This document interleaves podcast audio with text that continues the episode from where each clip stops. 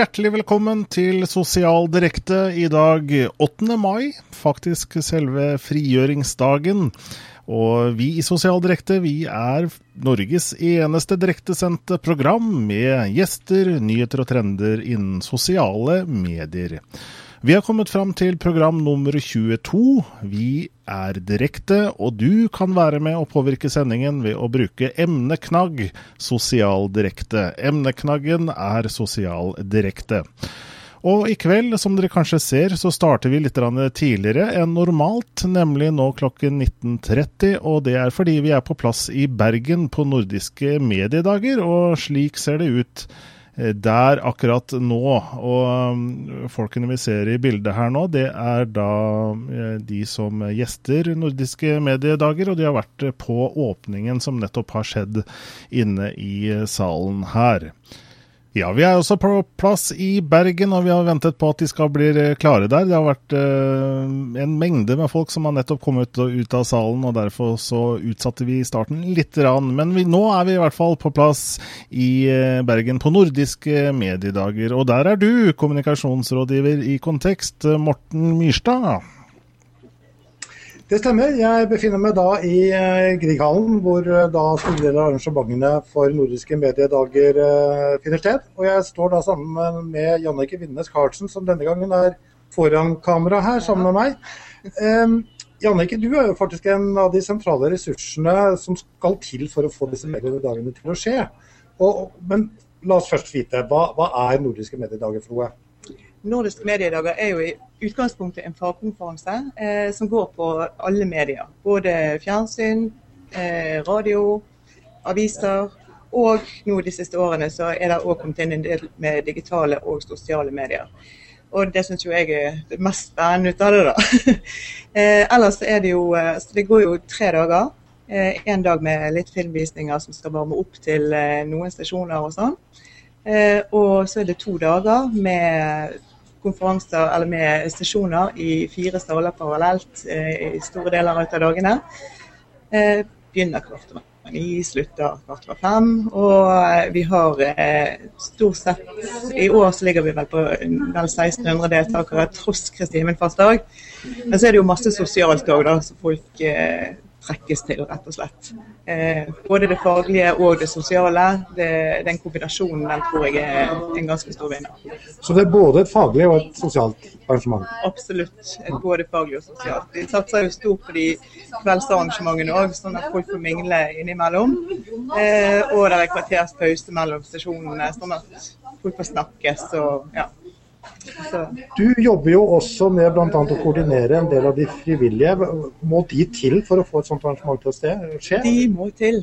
De er utrolig viktige. Det er 125 frivillige, stort sett studenter, som er i sving. Og det er alt fra å kjøre VIP-gjestene våre til og fra Flesland, til å passe på at det er stille i salene, hjelpe teknikerne, passe på at det ser ordentlig ut. Eh, sjekke inn folk, det er ja, veldig masse. Med 125 stykker. Eh, det er ganske, ganske mye folk i sving. Har det gått døgnet rundt nå i det siste? da, eller? Det har gått mer enn døgnet rundt. det, ja. Men nå er det der? Men nå er vi der. Ja, og det så... er utrolig godt. Ja. Og Hva er det vi har opplevd akkurat nå? Det har vært en åpning. Eh, hvem er det som har vært med der? Her har kulturminister vært med, ordfører, festivalsjef, eh, pluss litt underholdning og sånt innimellom. Eh, så vi eh, satser jo på at det skal varme opp hele, hele konferansen på mange måter. Og så begynner vi jo minglingen allerede i kveld med litt sånn Ute i spissen på Grieghallen så har vi en, en sammenkomst der ute som er Bergen, fra Bergen kommune. Og så har vi jo da bar på eh, festivalbar. Og så har vi jo prisfesten som MBL arrangerer. Så det skjer mye eh, rundt omkring i Bergen i kveld. Ja. Så akkurat denne kvelden så blir det da over til det sosiale, hvis jeg forstår det riktig? Nå blir det over til det kun det sosiale. Ja, det blir hyggelig. Ja. Vi skal eh, snakke litt mer om det faglige, så vi sier så langt takk til deg, Jannicke. Og så lykke til med arrangementet. Takk skal du ha. eh, Jan Espen? Ja. Vi skal da også eh, snakke med da to representanter som har bl.a. kjørt eh, et treningsseminar tidligere i dag, og som også er foredragsholdere på, på seminaret. So we like to welcome um, two of our guests here tonight. Uh, Hi. uh, Deborah uh, Jasper Yes. and, uh, and uh, Betsy Hubbard. You are from Mindset. We are Mindset Digital. Yes. And what uh, we are going to talk a little about what have you have done today, and also what what you are going to do uh, tomorrow or Friday, is it? Tomorrow. Yes, Tomorrow. tomorrow. Yes. But mindset, what is that? What kind of company is that? We are a training and consulting company that really helps people embrace the new channels, the new tools, the new thinking that goes into communicating today. So, thinking about social media channels, Twitter, Facebook, Pinterest, Instagram, all the new channels, but also the new approaches like the power of the informal and how are you talking in more informal, casual, real time ways. In real in real life, you mean? in real life, but also on your channels. uh, Okay. because now we all own our own channels, so we're all having to think differently about how we communicate. Are are you former journalists or? I was a journalist for 20 years, and uh, I did investigative reporting. And then uh, Betsy and I ran the Kiplinger program in public affairs journalism at Ohio State, which is the largest, one of the largest universities in the states. And Yeah. Betsy's My background. background is in public policy and public Okay, affairs. So okay.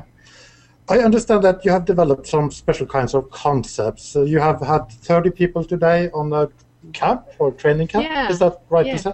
To say? yes, exactly. So we spend half a day helping people really dive into Twitter, Okay. and not just uh, the mechanics of how you use it, but some of the strategy behind it, and then more even the advanced tools that you can use to really make sure you're getting the most out of your Twitter feed. So how do you measure and make Mm. sure people, you know, how many people are clicking on your tweets, how many people are sharing your tweets?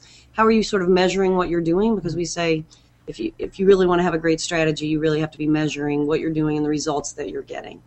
I came into your uh, speak uh, on the end, and then you sat down with people. They asked, "How often do I have to tweet?" Yeah. Uh, is it that kind of questions people are interested in? Yeah, people. So for most of us, we get on these tools because we hear about them, we sign up, we launch an account, and we never really have any formal education. And so we just kind of figure it out as we go along. And so for even with for people who have accounts, they find it very helpful to sit down and walk through kind of step by step what is the thinking? What could i be doing better? What are some of the features that maybe i'm not using? So we try to make our training very hands-on. Mm-hmm. We really do give it people we don't just talk about it we give people a chance to try it and we try to be very available to answer any mm-hmm. questions because we all have questions and you know it's moving too fast Is that productive? Does it give results? Does, does people learn That is the way people or- learn. So we do a lot of work with mid-career folks, a lot of mid-career journalists, a lot of mid-career media people, uh, public relations folks.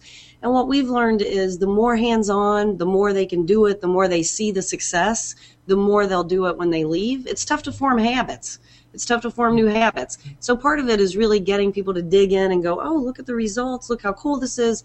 You can measure, you know, so you'll start to measure your tweets in real time. So you'll sit in class and say, oh, look who's following me. Look how many clicks I had in the last month.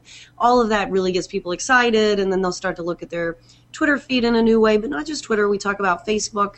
Today we just did Twitter, but we also talk about Facebook. We talk about new tools, Pinterest. We talk about, Yeah. you know, yeah, yeah I mean, range all of the new visual tools. Yeah. So But we call ourselves Mindset Digital because it's not just about new tools, it really is about new thinking. And one of the things we really try to do in our training is bring that thinking into it. Really help people change how they're viewing the tool or change view, viewing the opportunities because people won't change their behavior until they change the way they think. So you have to do the big ideas and the big picture and the inspiration if people are actually going to spend the time using a tool in a new way. I think I saw it in some of your material that people have to slow a little down mm. instead of being stressful and, and real time 24 Yeah. hours a day. Is that right? Well, our goal is we have attention spans that are nine seconds now. We have attention spans that are like the attention spans of goldfish. It is really hard to get people to slow down, tune in, and pay attention. So, one of the things we really specialize in is that it's easy to get a message out today. There are dozens of channels. You can get all of these channels. What's hard is getting a message in. So if you are trying to get people to tune into what you have to say, it's really critical that you try new approaches or people aren't going to slow down and really engage with you. So tomorrow we're going to be talking about the power of the informal, you know, really talking in a much more informal way, using less jargon, writing more casually. Now we say casual doesn't mean careless. It just means casual, but how do you have that friendly tone? That for journalists is sort of hard sometimes because we've been writing at a certain level and really changing the way we write, changing the way we talk. But it's not just about informal, it really is about visual as well. You were also supposed to talk about three trends tomorrow, is that right? Uh, what are those trends? Yeah, we are going to talk about sort of the big trends that are defining what's different about this age of communication. And part of it is the power of the informal and the new expectations for how we get information and what information people are opting in for. Because it is an opt in mm-hmm. world. I have 100,000 words a day coming at me. That's just outside of work. So I'm going to make very quick decisions about if I'm going to bother even paying the littlest bit of attention to something you're sending my way. We talk about the power of the visual because mm-hmm. vision is our strongest sense. It's the fastest way we process information. And now we have so much more better tools. You know, we say that mm-hmm. these days you can't privilege text so much of our communication in the past has been text based, but that's just because those are the tools we had available for sharing mm-hmm. information. It doesn't mean it's really the best way to capture attention and share information. Yeah, 10%, this is sort of mind blowing, of all photos of all time were taken just in 2011 alone. Wow. Yeah, so real, and you know that number is growing exponentially every year. A lot more photos taken last year. We're taking more photos every two minutes than all of humanity in the 1800s. So really just tuning into that. We're going to talk about the rise of mobile Yeah. and what that really means today that most of us are, are getting our news. A lot of us are getting our news from mobile phones, how newsrooms are having to change the way they, they do news because they know folks are coming to their website from mobile, mobile apps, all the new kinds of apps that people are using, and really mobile is changing, completely changing the game. So those are some of the key things that we're going to talk about. We're going to talk about real-time world mm-hmm. And how quickly news is traveling. You know, we're going to look at what happened even on Twitter and the Boston bombings in the states, and how you know even the the news was traveling so fast that the police were tweeting, "Please do not tweet our whereabouts." As we're searching for the suspects. So you're really seeing a dramatic change in how news is traveling. As Twitter says, news is traveling faster on Twitter than the earthquake itself. So we talked about that a little bit today on Twitter, uh, just how fast news is traveling. Let, let's um, um, end this, conversation Sure. with some with the last question then about Twitter. What is Twitter? Uh, a lot of people have problem with figuring it out. Somebody is doing it as a relationship uh, tool. Someone are using it as a news gathering tool, and now Yeah. it's becoming the second uh, uh, screen and Right. connecting to TV. So what is Twitter? Right. It's so powerful. It is powerful. It's part of the beauty of all these tools. In some sense, they're just neutral channels. You can use them in an- any kind of way. So it's really, you get to define your own strategy for how it would be most useful for you. It might be to tune into sports conversation because you're an avid sports fan. It might be as you say, to do use it as a second screen and engage with a whole community of people when you're doing something like watching television. It might be your primary news source. It might be the source you use just to stay in touch with your friends. So Right. it can be used in any number of ways. And a lot of people are using it as a professional network. There's a lot of companies recruiting on Twitter. People are sharing information about jobs on Twitter. I mean, it really, and the number of people in Norway using Twitter has grown exponentially just in the last year. And kids are getting on Twitter fast. So they're saying Facebook. That's what my parents do. So a lot of them are Do starting you say that to to turn. too? Yes, we Yes, do. we do. we do. We So, do. and we work with a lot of universities, and they are really getting on Twitter because they know that's where the students are. And if you're trying to recruit students and you're trying to get students to tune in, so a lot of companies are using Twitter, mm-hmm. and really conservative companies. So we Yeah. specialize in working. We work a lot with universities. We work a lot with hospitals and with banks. Hospitals are tuning into what their patients are saying about them on Twitter because you know, if you're sick, you have a lot of time on your hands. You're probably talking on Twitter about the hospital care you're getting. So people are using it as a listening channel, a research channel, a real-time news channel. It's really powerful. Yeah, I, and I, I, I follow the smartest people I know, and it's like they're doing research for me all the time. So it's really pretty cool so more people are getting uh, Twitter, oh, and you're yes. helping them. Yes, I know it's really fun. We taught Twitter in Ukraine, and now oh, we're headed to Sweden next, so we feel like we are sharing Twitter with the world. It's really been a, a blast. Have a good day, here then in Bergen, and good luck to you Thank in you. the future. Yeah. Thank, Thank you. Thank much. you very much. Thank you. Thank you. Jan Espen? Ja, det var gøy å høre om Twitter. Ja, altså det var jo uh, veldig engasjerte uh, damer. Mm. Som også jo, gjør tingene på en ganske profesjonell måte med sin treningsfilosofi. Så gjør tingene hands on, det tror jeg er en ganske god, uh, godt tips. Mm. Så, um, men vi har um, også mer vi skal dekke her fra Bergen nordiske mediedager. Og uh, det er jo et rikt program som vi har fått høre. Uh, og bl.a. i morgen så offentliggjøres det en, en, undersøkelse, en medieundersøkelse. Og da er det bl.a. Eh, ledet av Frank Åre Brått, som kommer til å presentere den undersøkelsen i morgen. Eh, og den stiller en del spørsmål både til redaktører og til eh, journalister og til vanlig publikum. Og så prøver de å sammenligne disse dataene mot hverandre.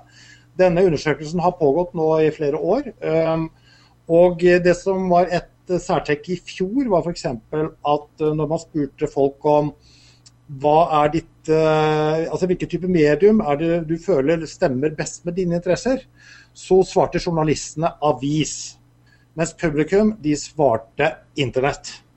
Og eh, publikums eh, holdning til avis, TV og internett hadde da forandret seg ganske mye gjennom årene, særlig på internett, som da har blitt mye mye mer viktigere for publikum, og avis mindre viktig. Nå har eh, noen tall blitt offentliggjort fra denne undersøkelsen, bl.a. i Dagens Næringsliv i dag. Og Da ble det bl.a. stilt spørsmål om hvordan folk forholder seg til mobil til nettbrett, eh, og også da til vanlig web. Eh, og Der er, har det skjedd en kraftig forskyvning i forhold til i fjor. altså At folk begynner å ta i bruk de mobile mediene, ikke bare til å ringe, men de bruker dem som nyhetsgenererende medier. Og Her er det også da en ganske stor forskjell mellom redaktørene og journalistene og publikum. Men det henger jo også sammen med at journalistene har jo informasjon som et arbeidsverktøy. De må jo bruke det også til sin egen research. Så det er ikke bare snakk om på en måte å gjøre det for sin egen del. Så redaktørene er hyppige brukere av nettbrett. Eh, journalistene er hyppige brukere av mobil. Og publikum kommer etter, men foreløpig da ikke i samme fart som, eh, som journalistene. Og, og, tallene er altså da ganske dramatisk eh, endret fra i fjor. Og det henger jo sammen med en del temaer som vi har dekket før, Jan Espen. Altså mm. året 2012 til 2013, det har på en måte virkelig vært året hvor det har vært en mobilrevolusjon. Definitivt. Og det har vi vel også sett uh, i noen av de dataene og tallene som kom ut på et internasjonalt nivå her uh, den siste uka. Bl.a. i forrige uke så var det jo da uh, kvartalstall fra Facebook. Um, de hadde da en omsetningsvekst på 42, 42 um, De hadde en mobil omsetning på godt og vel 300 millioner kroner, og det er sammenlignbart med null året før. Dvs. Si at og, i 2012 så hadde ikke Facebook noe mobilt tilbud som, som, eh, til annonsørene. Eh, og dette gjorde jo at Facebook dagen etter økte kursen sin i aksjemarkedet med 5-6 um, Så Zuckerberg har på sett og vis knekket den mobile utfordringen på mange måter. Selv om man har ikke lykkes like godt med Facebook eh, Home, Jan Espen. Du er vel en Android-mann, er du ikke det? Har du kunnet uh, laste den ned? Jeg har vel kunnet gjøre det, men jeg har liksom vært litt skeptisk til å, til å ville liksom bytte min verden med, med en Facebook-verden. Fordi jeg har jo liksom tilpassa telefonen i forhold til det jeg ønsker å gjøre. Og det er ikke primært Facebook, det er også Facebook, men ikke bare Facebook. Og dermed så, så, har jeg Jeg kunne jo selvfølgelig ha testa det, da, men har, eh, det blir vel sånn i forhold til at du skal være kanskje veldig interessert da, for, å, for å ville gjøre det. Men, eh, men, jeg har ikke gjort det. Jeg har ikke det. Men, men jeg, som du sier, i hvert fall, da, så har de jo i hvert fall eh, Mark Zuckerberg og gjengen virkelig slått jackpot med satsingen sin. De skjønner nå at mobil er veldig veldig viktig for Facebook sin framtid. Ja, Det er det ikke noen tvil om. Eh, det der, Den samme utfordringen gjelder hos andre selskaper. Eh, LinkedIn kom også ut med tall i forrige uke. De vokser nå med 70% i omsetning. jeg tror vi har nevnt det også for så vidt flere ganger, at LinkedIn også er på en fornyelsesreise. De har en sterkere eh, strøm, altså det er mer interessante nyheter. De har jo en 150 ledende toppledere som blogger for dem, rett og slett, med jevne mellomrom. I forrige uke så lanserte de også en egen CRM-modul. altså Dvs. Si at du kan bruke da LinkedIn mye mer effektivt som et uh, kontaktregister for uh, potensielle kunder, f.eks. Uh, som kanskje er så bra at den konkurrerer med andre typer CRM-løsninger. Allikevel så var uh, aksjekursen til LinkedIn den gikk ned med 10-12 uh, og Det skyldtes bl.a. at uh, toppsjefen i LinkedIn var noe mer varsom med hva han lovde i forhold til fremtiden. Um, så, uh, men altså det som har gjentatt seg da, i og for seg utover denne våren, er jo da Facebook, Yahoo, Google, LinkedIn, Microsoft Klarer de å løse problemet sitt i forhold til mobil? Får de kundene med seg over fra en desktop-plattform til mobil? Noen lykkes bedre enn andre, det er det vel ikke noe tvil om. og eh, Akkurat nå er det jo i hvert fall slik at Facebook og Google kanskje er de som ser ut til å lykkes best. Mm. Vi er altså på plass i Bergen, dvs. Si vi, det er Morten Myrstad. Han er på plass i Bergen for å dekke nordiske mediedager, og vi får flere gjester derfra. I hvert fall eh, hvis vi, vi, er så heldige og, og får eh, finne de personene som er veldig opptatte for tiden. Vi, vi, skal vel prøve å snakke med Guri Heftig også, selve festivalsjefen, hvis vi eh, lykkes med det, Morten? Det er helt riktig. Eh, vi skal snakke med henne, og vi skal også snakke med Kristian Lund, som da er eh, leder for programkomiteen, altså de som har satt sammen det faglige programmet. Og det kan også være at det kommer en gjest til. Dette er jo en dag hvor på en måte folk reiser inn da, fra utlandet. Eh, og noen av foredragsholderne som da skal ha foredrag på fredag, de kommer først i morgen. Mm. Eh, så, men det er altså 1500 mennesker vi snakker om her. Eh, og eh, dette er en begivenhet, det er det ikke noe tvil om. Eh, vi fulgte jo med litt på åpningen her, både du og meg, Jan Espen. Bl.a. åpningssalen til kulturministeren. Var det mm. noen spesielle ting du registrerte? Ja, det var vel det at de var, eh, hun var egentlig ganske våken på hva som skjer i mediebildet, hvor internett blir mer og mer eh, viktig. Eh, men kanskje ikke at journalismen blir mindre viktig av den grunn, hvor kanskje den, de norske journalistene har fortsatt sin, sin, verdi i forhold til det de skaper. Men det å produsere ting blir jo også billigere med, med nettet, sånn at her er det vel en slags vinn-vinn begge veier. Men hun virket jo veldig våken på mediebildet og hvordan hvordan, på en måte tiden skifter litt da, i forhold til den tradisjonelle måten å konsumere nyheter på, f.eks. Ja, Jeg fikk ikke helt med meg resonnementet hennes, men jeg forsto det slik at hun på en måte skilte mellom såkalte redaktørstyrte og ikke-redaktørstyrte medier. Og da er jo sosiale medier er jo da ikke redaktørstyrte, så vi er kanskje ikke redaktørstyrte, jeg er nesten ikke helt sikker. Uh, vi er i hvert fall ikke omfattet av medieloven uh, eller eierskapsloven innenfor medier. Uh, det Såpass vet vi. Men, men det hun vel da reflekterte litt over, var jo på en måte at hvis man hadde inkludert de sosiale mediene i et utvidet mediebegrep lovmessig, så hadde det nesten ikke hatt noe annet valg enn å på en måte slippe alt løs. Altså ikke ha noen lovregulering i det hele tatt. Mm. Så det som i hvert fall var hennes holdning, var å på en måte opprettholde en definisjonsforskjell mellom redaktørstyrte og ikke-styrte redaktørstyrte medier. Og at de redaktørstyrte fortsatt da trenger en eller annen form for samfunnsmessig regulering på en del områder. Mm.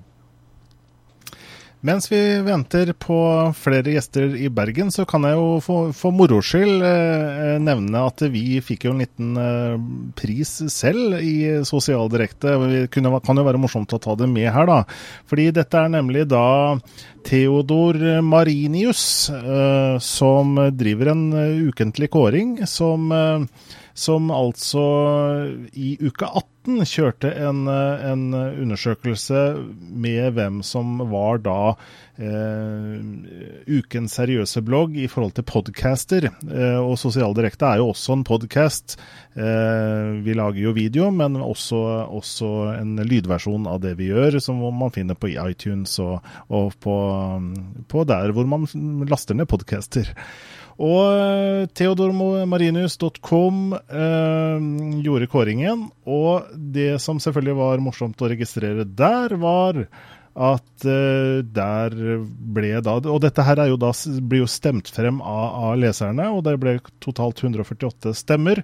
Hvor Sosial Direkte da ble eh, vinner med 61,49 og i konkurranse med norske informasjonsrådgivere og Sofaprat. Og det er jo litt uh, morsomt, Morten, at, vi, at, at seerne stemmer på oss også. Absolutt det er veldig veldig hyggelig, og vi sier jo veldig tusen takk til det. Mm. Samtidig så er det jo også morsomt, syns jeg, da, at de tre konseptene alle har sin plass. Og de jo, er jo faktisk ganske forskjellige. Sofaprat med da Thomas Moen og Arnt Eriksen. De setter seg i sofaen, snakker sammen fem, seks, sju minutter hver gang uh, hver, hver, uke mm. om temaene som kanskje opptar dem der og da.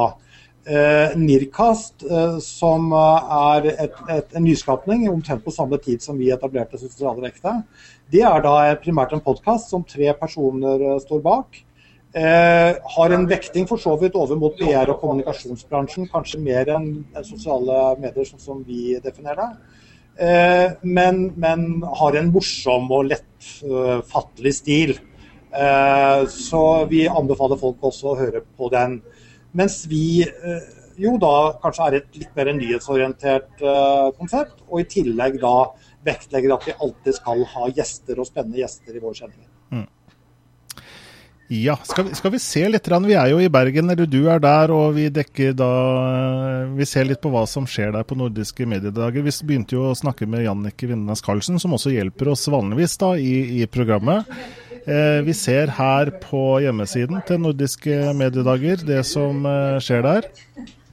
Og eh, her er det jo selvfølgelig da en, en god webside da, med programmet deres.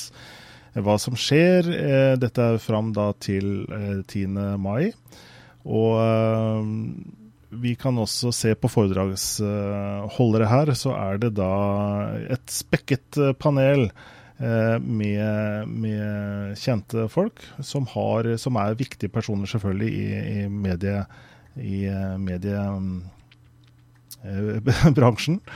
Eh, og som vi ser, det er Anne Lindmo, det er Anette Groth, det er masse, masse kjente folk som har mye å mene om, om det som skjer i, i nyhetsbildet. Vi skal eh, straks vi snakke med, med, noen flere av de som er på nordiske mediedager. I mellomtiden så kan du bruke eh, emneknaggen vår, som er sosial direkte. Og da får jeg spørre da, Morten, er vi på plass nå med, med, med, flere gjester? Nå har vi fått med oss Guri Heftig. Her har vi kamera, Guri. Så hvis du kommer litt nærmere meg, og så har vi, har vi uh, mikrofon her. Um, du har jo nå nettopp hatt en åpning, og så er det en mottagelse oppe i spissen, som det heter. Har starten vært bra? Ja, veldig bra. Det er, det er, alltid veldig godt å komme i gang. Vi har jo sittet en, det er en lang inkubasjonstid på dette programmet. Vi begynner å jobbe med det i august. Og så lanserer vi det sakte, men sikkert fra nyttår utover. Så når vi endelig kommer til åpningsdatoen, så er det veldig deilig å være, komme i gang, rett og slett. Du er festivalgeneral, eller hva man nå kaller det. Vel, general er å ta i. Festivalsjef kaller jeg meg. Festivalsjef. Hva, hva er det? Det betyr at jeg har det overordnede ansvaret for hele Nordiske mediedager. Og dette har du jobbet med nå i syv års tid. Ja, eh, min syvende festival nå. Og, hva, er, hva er målsettingen med Mediedagene? Målsettingen er å være den årlige store arenaen som favner hele bransjen. Det finnes mange konferanser som handler om enten gravejournalistikk, eller om digitale medier, eller om ulike sider av bransjen. Vi favner absolutt hele spekteret. Vi er litt sånn som etter børs i Dagens Næringsliv. Både nett, TV, avis. Alle aspekter av mediebransjen. Og medieøkonomi og forskning. Og, ja. og det digitale har blitt mer viktig de siste årene? eller? Ja, vi, har, vi speiler jo utviklingstrekkene i bransjen. Så vi, vi, jo, vi speiler jo det som skjer. Og det er jo det som har vært Det er mange år siden snakket om konvergens, nå har den slått til, for å si det forsiktig. Ja.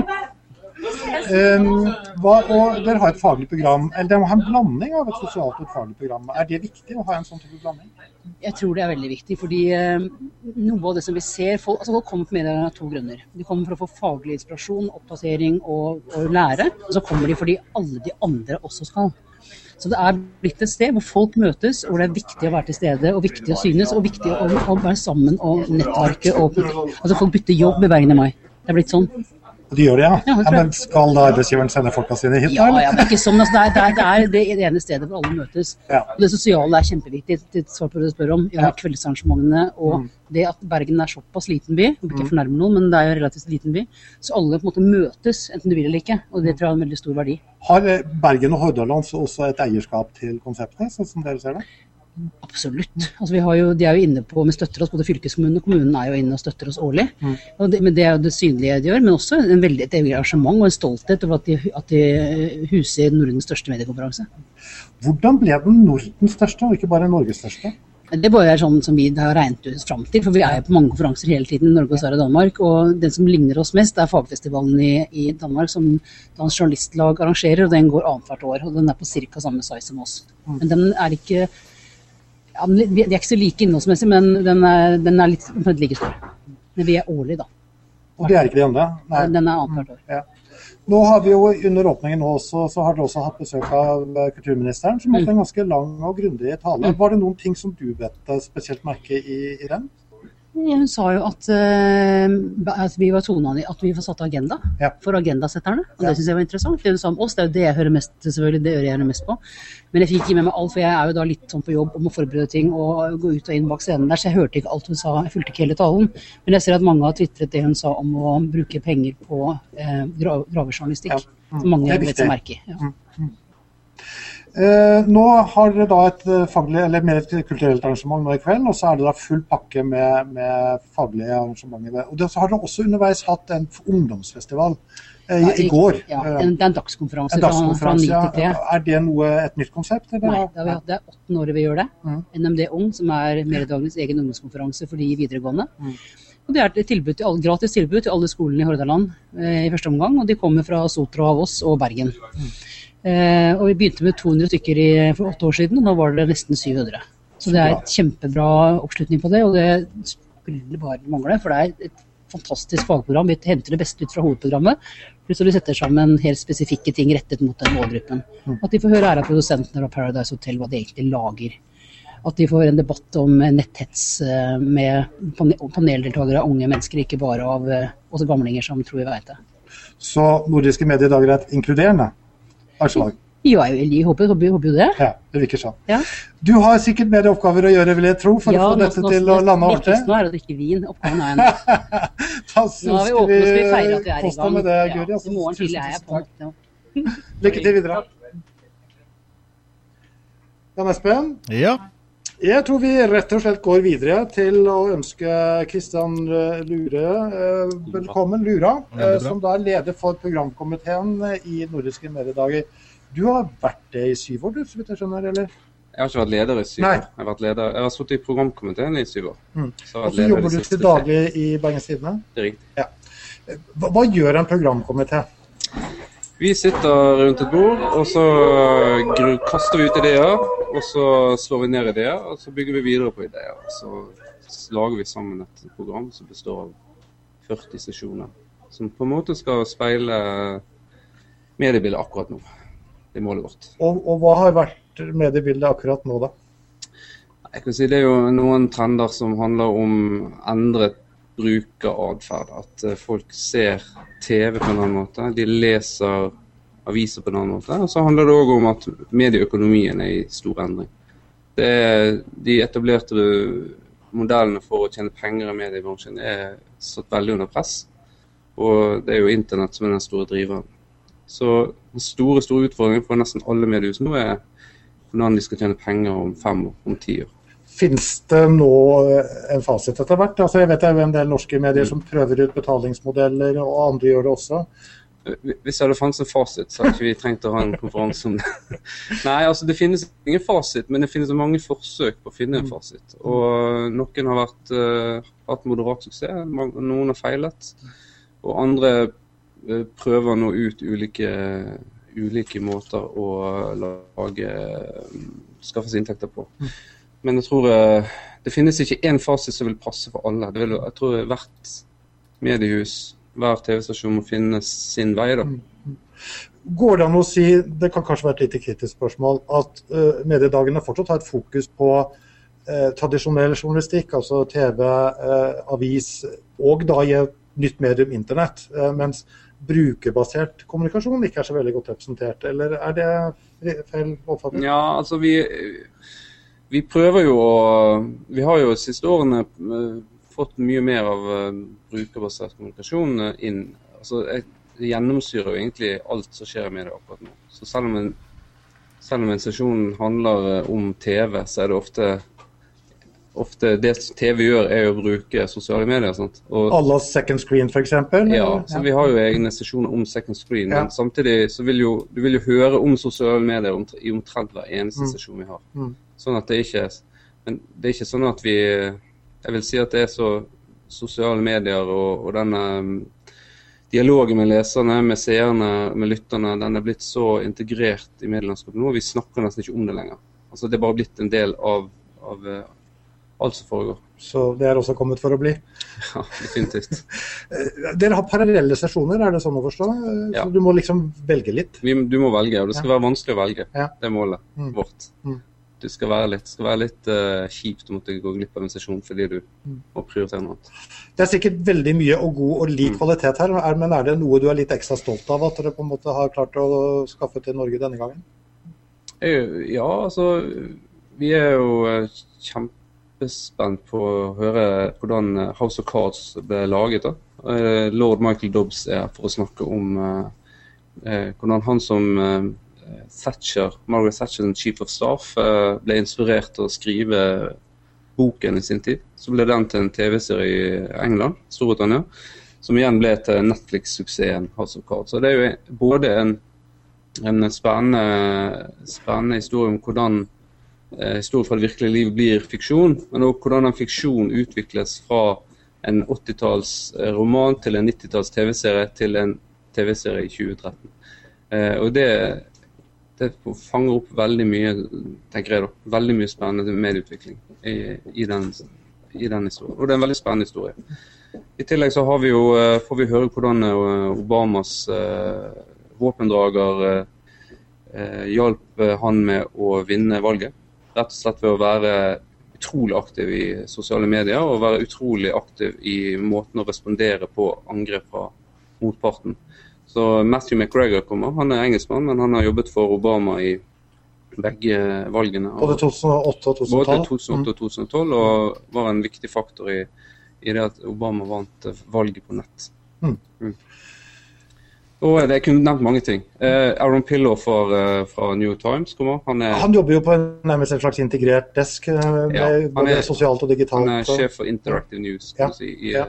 New Times. New York Times for meg, jeg jobber i avis, og jeg tenker for oss er akkurat nå New York Times eh, på en måte eh, det vi alle bør strekke oss mot når det gjelder eh, historiefortelling. Og bruke mulighetene du har digitalt for å lage historier.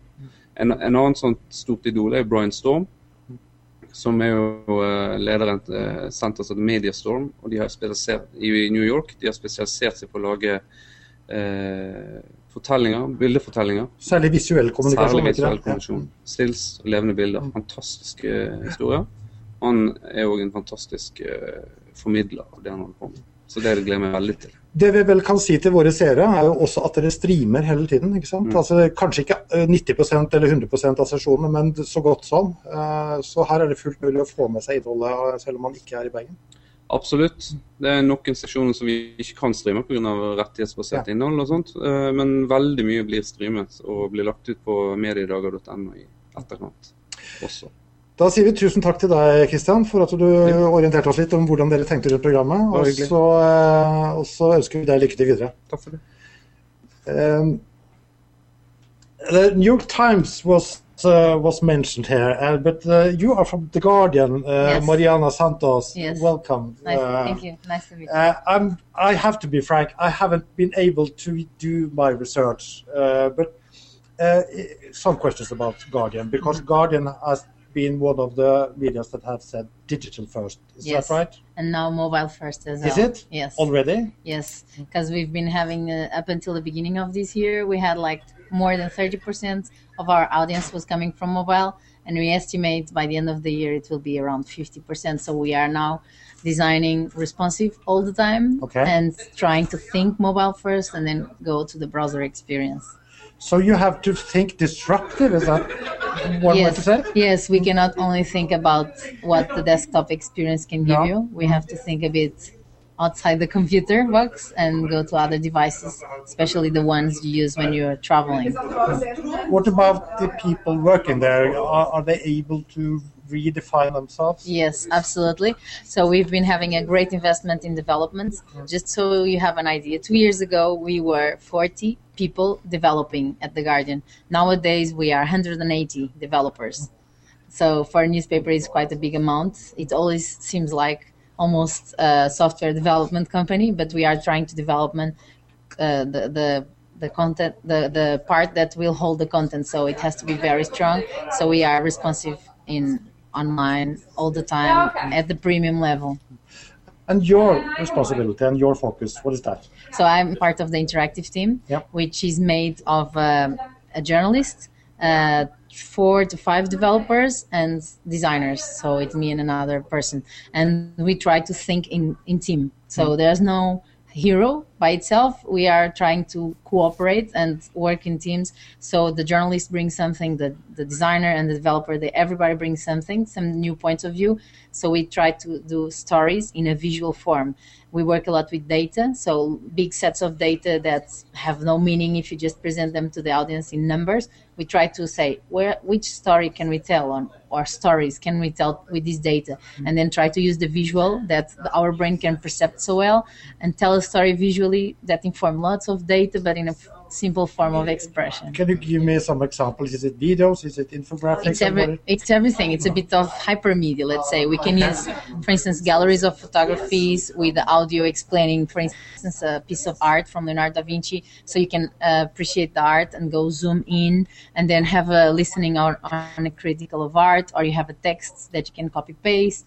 Um, we have uh, big amounts. Another project was, for example, reading the riots, which was the riots was a big event, and and it was very very much tweeted in London. So we, we grabbed all these tweets, which were about 2.6 millions, and we tried to do a visualization explaining how the conversation inside Twitter developed across these three days of riots. So then we did a visualization of how the tweets vo- the tweet volume evolved and how uh, news and fake news and rumors appeared and people following Twitter thinking real like there was one tweet like there's a the, the rioters went to the London Zoo they opened the cage and there's a, a lion free in the streets. And people were following Twitter in order to go home not knowing what happened next to their home. So it was a bit like power to the people everybody can have the right to the word but then people misused. So we tried to do an analyze uh, of that in a data visualization form as well So user-generated content is one source for you, Absolutely. working more and more. more and more as the garden is open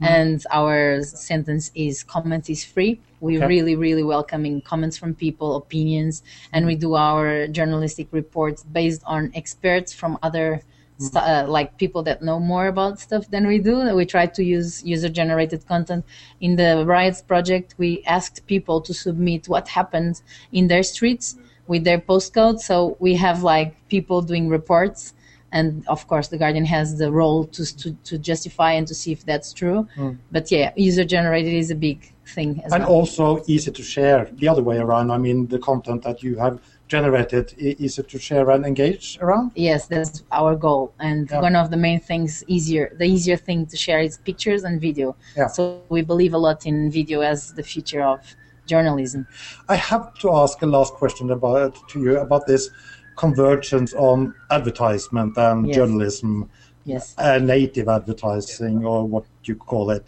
How do you, as a journalist, think about that?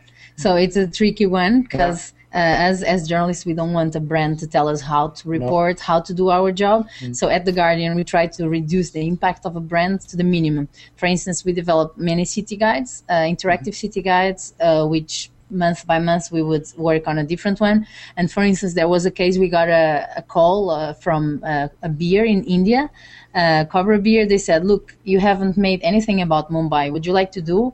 And we pay you to, to deliver a Mumbai uh, city guide because uh, English people do travel a lot to India. So it was a great experience that Cobra Beer wanted us to develop something that we want to develop anyway with all our content. And they, we just used their tag at the very beginning so people would see Cobra Beer before they experience the city guide.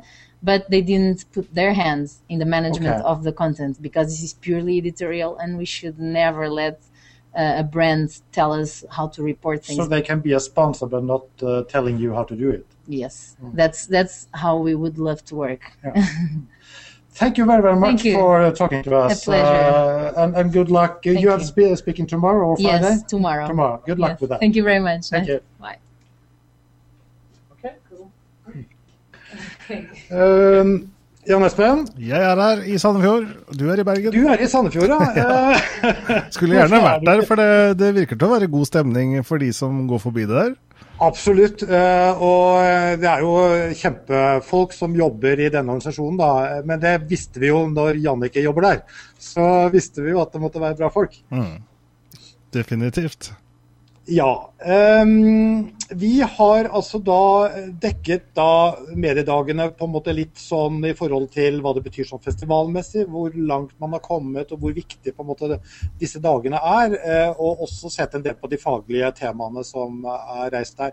Det er som sagt 40 ulike eh, sesjoner som går her. eh, masse spennende ulike temaer. eh, og både innenfor tradisjonell journalistikk, innenfor hvor TV-verden går hen og utvikler seg, og også da innenfor digitale og sosiale plattformer. Så, uh, og lenken som da er til denne web, løpende webkassen, den deler jo vi i våre kanaler, da. Jan Espen, ikke sant? Det gjør vi, og det er i hvert fall nordiskemediedager.no slash web-tv.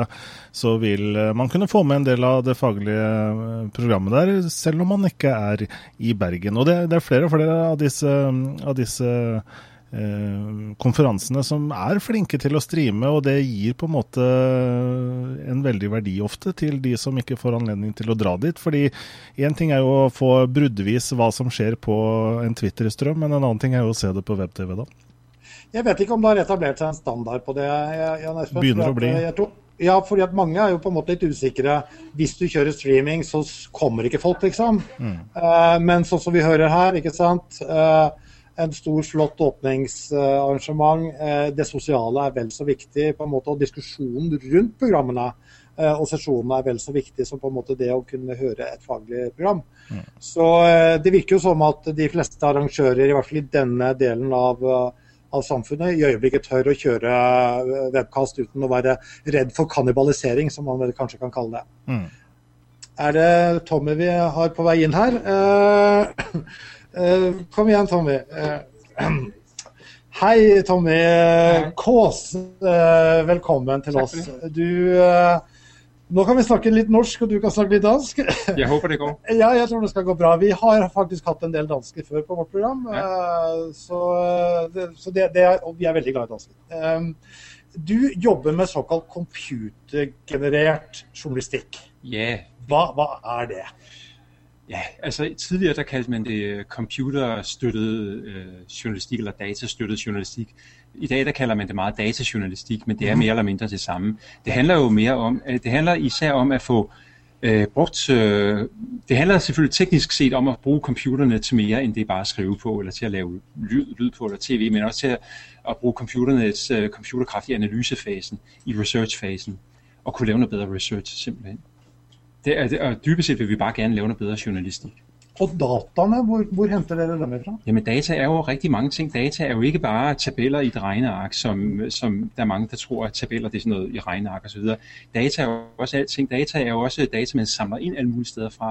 Og det er noget af det, jeg skal tale om i morgen formiddag. Det er, at øh, hvordan vi egentlig samler data ind. Det kan vi gøre på mange måder. Data kunne jo være i virkeligheden... Øh, hvad skal vi sige, i, øh, i i det, der i, i Danmark hedder, hedder vores folketing. Ikke? Ja. Øhm, øh, alt, der bliver sagt derinde, det, altså, man, normalt der tæller man op og siger, så mange stemmer for en lov, og så mange stemmer imod, og så mange øh, er fraværende. Men man kunne også sige, hvad er det egentlig, der bliver sagt, og så kan man prøve på at måle det op og skære det ud i stykker, og så kan man begynde at finde ud af, hvem er det, der siger meget, hvem siger lidt, og hvad snakker de om, og hvad, hvad er vigtigt osv. Altså data er rigtig mange forskellige ting. Kan det også være offentlige registre, da, blant annet? Eller? Det kunne det jo sagtens være. Ja. Det, kan jo være det kan jo være databaser, man slår op i naturligvis. Ja, Øhm, men det kunne også være, som det lige har været i Danmark, hvor vi har haft en stor sag om øh, øh, folk på øh, arbejdsløshedsdagpenge, som, som øh, lige pludselig kun kan få arbejdsløshedsdagpenge i, to år, i stedet for i fire. Okay. Og der er altså rigtig mange, der er overladt til, ja, til, til ingenting, altså ikke kan få nogen støtte. Øh, så har man opfundet nogle, nogle støttejobs, som de folk kan få, og så har vi så, øh, det, jeg har så i samarbejde med Dansk Medie, der har vi så simpelthen over et halvt år fulgt, fulgt den her udvikling, og fordi vi var de eneste, det her medie var det eneste, der havde de her data øh, tilgængeligt og kunne analysere dem, så kunne vi jo analysere og og vise, at det regeringen havde fundet på, det virkede faktisk ikke rigtigt. Altså det var ikke rigtig nogen... Det kunne du følge det vi kunne nesten simpelthen per, følge det, per simpelthen. dag eller per Ja, måneder? Eller? Vi kunne følge det løbende, og nu, Ja. ja. hvor der var gået her i øh, for sidste uge, hvor der var gået et halvt år, Ja. der samlede vi så op og sagde, se her, hvor dårligt det faktisk virker. Og nu er regeringen i Danmark, det er ikke vores skyld, men nu er Nej. regeringen i Danmark faktisk lige nu meget presset, fordi så er de nødt til at finde på noget andet. Og hva kommer det ut av det? Er det stories på vanlig måte som en tekst, eller er det infografikk, eller kan det være hva som helst i presentasjonsform? Ja, det kan være hva som helst. Ja. Altså i virkeligheten er det bare, at man, bliver, man hever sin research opp, så man ty- typisk kan starte et annet sted. Man kan starte på et bedre grunnlag Ja. når man laver sin journalistikk. Mm. Det er jo ikke sånn så fordi vi samler noen data sammen, så har vi noe annet i stedet for journalistik. Vi skal jo stadig være journalister. Mm. Uh, så, så hva vi velger å bruke det til i siste ende, om det er øh, historier, eller det er infografikker, eller hvad det er, det, det kan være hvad som helst. Der er lidt kritik i øjeblikket af, at det man kalder data journalism mere handler om visualisering, mere Ja. handler om kosmetik, Mm. mm. i stedet for at det egentlig handler om, skal vi sige, det rigtige, skal vi sige, det, det, det, det tunge toge ja. nedenunder, ikke? ja. Men jeg mener, det ene udelukker i virkeligheden ikke det andet. Hva med den verden vi lever i nå, hvor vi etterlater mer og mer signaler? eh, ikke sant? Cookies, sosiale medier, eh, søk. Er det også en del av den utviklingen, eller? Jamen, det er det jo, fordi øh, tingene går litt hånd i hånd. Øhm, vi har noen ganger kørt nogle, nogle øvelser, når vi har haft øvelser i sådan avanceret internet research. Så har vi nogle gange haft nogle øvelser, hvor vi har prøvet at... Vi havde, vi havde en sjov øvelse, hvis jeg lige må fortelle om det, hvor vi øh, til en konference lidt som den her, der havde vi tre researcher, og de skulle researche, kan man sige, om kap, i konkurrence med hinanden. Og de skulle researche på en, på en konkret person. Øh, og så handlede det om, hvem kan finde ud af mest om den her person. Og så til selve konferencen, der havde vi så en session, hvor vi, de her tre researcher fremlagde deres research, og så som et clue, der havde vi så personen selv, der kom ind, og, og, og vi har gjort det flere gange, og de har altid været meget, meget overrasket over, hvor meget man kunne finde ud af folk, hvis man satte tingene sammen rigtigt. Og sådan, er- det kan man sige, det bliver kun forstærket. Det, det, sidste gang vi gjorde det, det var faktisk nærmest inden vi fik Facebook. Men i dag, hvor vi har Facebook, og vi har Twitter, og vi har mange andre sociale øh, tjenester, så vil det jo være endnu mere overbevisende, altså, eller endnu mere overvældende, hvor meget man kan fortælle om folk, hvis man, forstår at sætte brikkerne sammen på den rigtige måde. I virkeligheden er det her, det her handler oftest mest om at finde brikkerne og sætte dem sammen, og så kan man se billedet, og så bliver man virkelig endnu bedre til at gå videre og søge mere kvalificeret. Men kan det også være grund til å være engstelig, fordi at det er mer og mer å finne, liksom? Altså, Jo, men det er jo ikke journalistikkens skyld, eller journalisternes, øh, skal vi sige, øh, øh, skyld eller bekymring. Det er jo i virkeligheden så dig og mig, som, som, med, med, med, som bruger af sociale medier, der må tænke lidt over, hvilke spor øh, vil vi afsætte, og, og bekymrer det os, eller bekymrer det os ikke. Men dette er et vekstområde, eller hvordan er det? Det, det er det jo, fordi det vælter jo frem med, med data. Ja. Da vi startede i Danmark i øh, slutningen af 90'erne, midten af 90'erne, Den må du få oversette, tror jeg. det, Midten av 90-tallet. 95 eller Ja, 90-tallet hedder det på norsk, ja. Øh, der, der, der synes vi jo, at i USA kunne de så meget, og der var mange data, der var tilgængelige i USA, men i Danmark måtte vi jo ingenting, og vi kunne okay. ingenting, og vi kunne ikke få nogen data. Men, men det, tingene har jo flyttet sig, og i dag er det jo sådan, så det offentlige i Danmark prøver, og det ved jeg, de gør, det gør de også lidt i Norge nu, prøver at, at få alle mulige andre til at bruge deres data. De prøver på at gøre data tilgængelige, også kortdata om sider i Norge, for at vi alle sammen skal bruge dem, og erhvervslivet skal, skal kan man sige, lave kommersiel virksomhed på baggrund af det offentlige data. Det synes jeg er rigtig fint. Men, men derfor er det også et vækstområde. Der kommer bare flere og flere data. Der er flere og flere data tilgængelige. Om vi så som journalister vælger at tage den chance, der er, og den mulighed, der er, for rent faktisk at, at kunne analysere det og bruge det til, til noget, eller vi vælger at overlade det til private virksomheder og til alt muligt andre, øh, f- for at lave forretning ud af det, ja, det er jo, altså, det er jo det er, det er udfordringen, og det er, det er vigtigt, at vi som journalister rent faktisk er med nu. Men er dette også verktøy som på en måte en, en, vanlig bruker kan ta i bruk. Eller en citizen journalist, da, for å si det sånn, som ikke nødvendigvis er knytta til et stort, ressursrikt uh, mediehus. I virkeligheten er det vel sånn i, i dag så det er i høyere grad uh, det du kaller citizen journalists, ja. eller alminnelige mennesker, eller ja. programmører, mm. eller uh, end journalister der får noe ut av det her. Fordi de fleste journalister, journalister som de er flest, de er ikke særlig dyktige teknisk. Det er meget, meget, meget få journalister som bare kan bruke, kan bruge nogle simple, simple teknikker som et regneark eller andre ting. Øh, så derfor kommer de nye og spændende ting ofte fra folk, der står uden for de traditionelle medier, uden for de etablerede medier. Et rigtig godt eksempel, det er jo øh, Adrian Holowarty, som lavede det, der hedder Chicago Crime, som i virkeligheden blev det, der fik Google til at sætte gang i hele den udvikling af Google Maps og kort uh, mashups osv. Det var en mand, som slet ikke havde noget som helst med de etablerede medier at gøre. Og sådan ser vi det meget ofte. Derfor ser vi også i de her år en, en, en, en sammensmeltning, kan man sige, Øh, der er en organisation, der hedder Hacks Hackers, som er sådan en organisation af, af journalister, mediefolk og programmører, webudviklere, der kommer udefra. Og der er sådan en tilnærmelse, der bliver holdt masser af konferencer, hvor de ligesom skal lære at snakke sammen osv. Og øh, det er en rigtig god udvikling, og det tror jeg, vi bare vil vise mere af. Er det i morgen du skal på, eller er det på fredag? Det er i morgen. Form, i morgen, ja. I morgen formiddag en dobbelttime. En dobbelttime, ja. ja. Da blir det tung datajournalistikk øh, på mediedagene i morgen. Nei, nei, det blir ikke så God innsikt. Ja, det håper jeg. Ja. Veldig, veldig bra. Tusen takk skal du ha, og så lykke til i morgen. Takk skal du ha. Ja, Det virker som det er et eh, høyt nivå på de som skal stå på scenen der i morgen.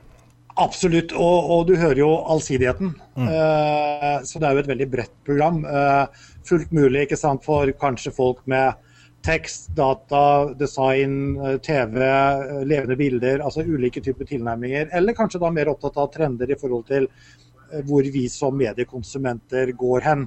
Så alle de temaene ser ut til å være godt dekket innenfor det programmet som er laget. Mm. Og så avsluttes det jo hele da med Gullruten på lørdag. Det er jo kanskje viktig også å få sagt.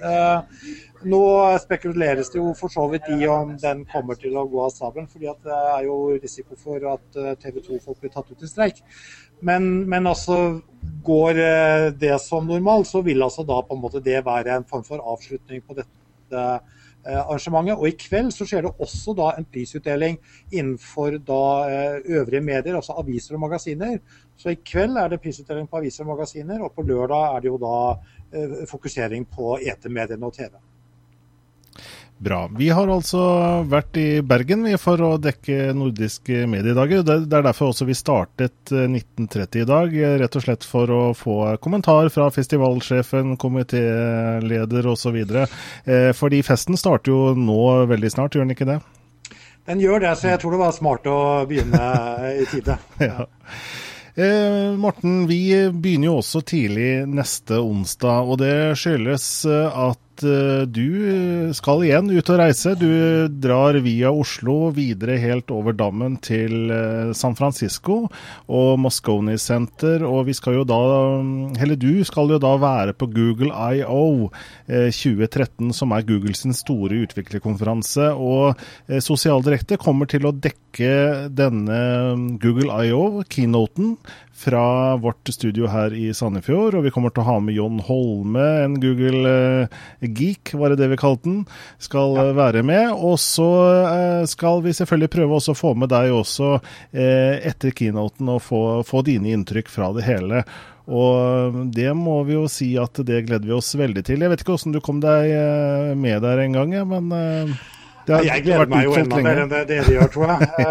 Eh, for å si det, være veldig tydelig først. Da, så det kommer til å bli en veldig bra sending som da er godt forankret, og som du kjører eh, sammen med Jon Holme. Eh, vi hadde også en slik sending i fjor. Og det var jo lenge før vi begynte med Sosial Direkte, så mm. nå har vi jo rutinert på å kjøre timesprogrammer etter hvert. Mm. Eh, nei, jeg har fått en invitasjon rett og slett fra Vikun Dotra, Google Pluss-sjefen. Eh, og jeg kunne ikke takke nei til den. Altså, det gir en mulighet til å på en måte få med seg nyheter, en god del spennende faglige sesjoner, og kanskje også knytte noen nye nettverk. Eh, så, men hadde Mark Zuckerberg ringt, så hadde jeg jo dratt dit òg, for å si det sånn. For å være helt ærlig og tydelig på det. Ja. Vi er jo litt misunnelige, vi, vi, må tilstå det. Men vi er jo så heldige at vi får det med oss. Vi, da, vi har fått lov av Google til å dekke keynoten, sånn at vi får vise det som skjer der du er, i Moscone Center. Og vi kommer til å da kommentere med også gjester i studio her i Norge, så det gleder vi oss til. Og Det er da viktig å minne om at det er også et annet tidspunkt på onsdag, 15. mai, og det er klokken 18.00 starter vi direktesendingen da. Og da tror jeg vi hver eh, skal si eh, farvel til Bergen i denne omgang. Eh, Morten Myrstad, du får ha en hyggelig kveld videre, og takk for dekningen din her i Sosialdirekte. Takk det samme. Og vi skal også passe på å takke Janne Kvinnes Karlsen, som jo er med oss støtt og stadig i, i redaksjonen, men nå i dag foran kamera, i og med at hun er Eh, aktiv i eh, disse nordiske mediedagene. Og Vi skal også passe på å takke Ingfrid Landsnes, som har hjulpet oss i denne sendingen, og ikke minst Kjetil Greger Pedersen, som også har hjulpet til i kulissene. Så da sier vi takk for oss i denne gang. Sosial Direkte er tilbake onsdag 15. mai, altså klokken 18.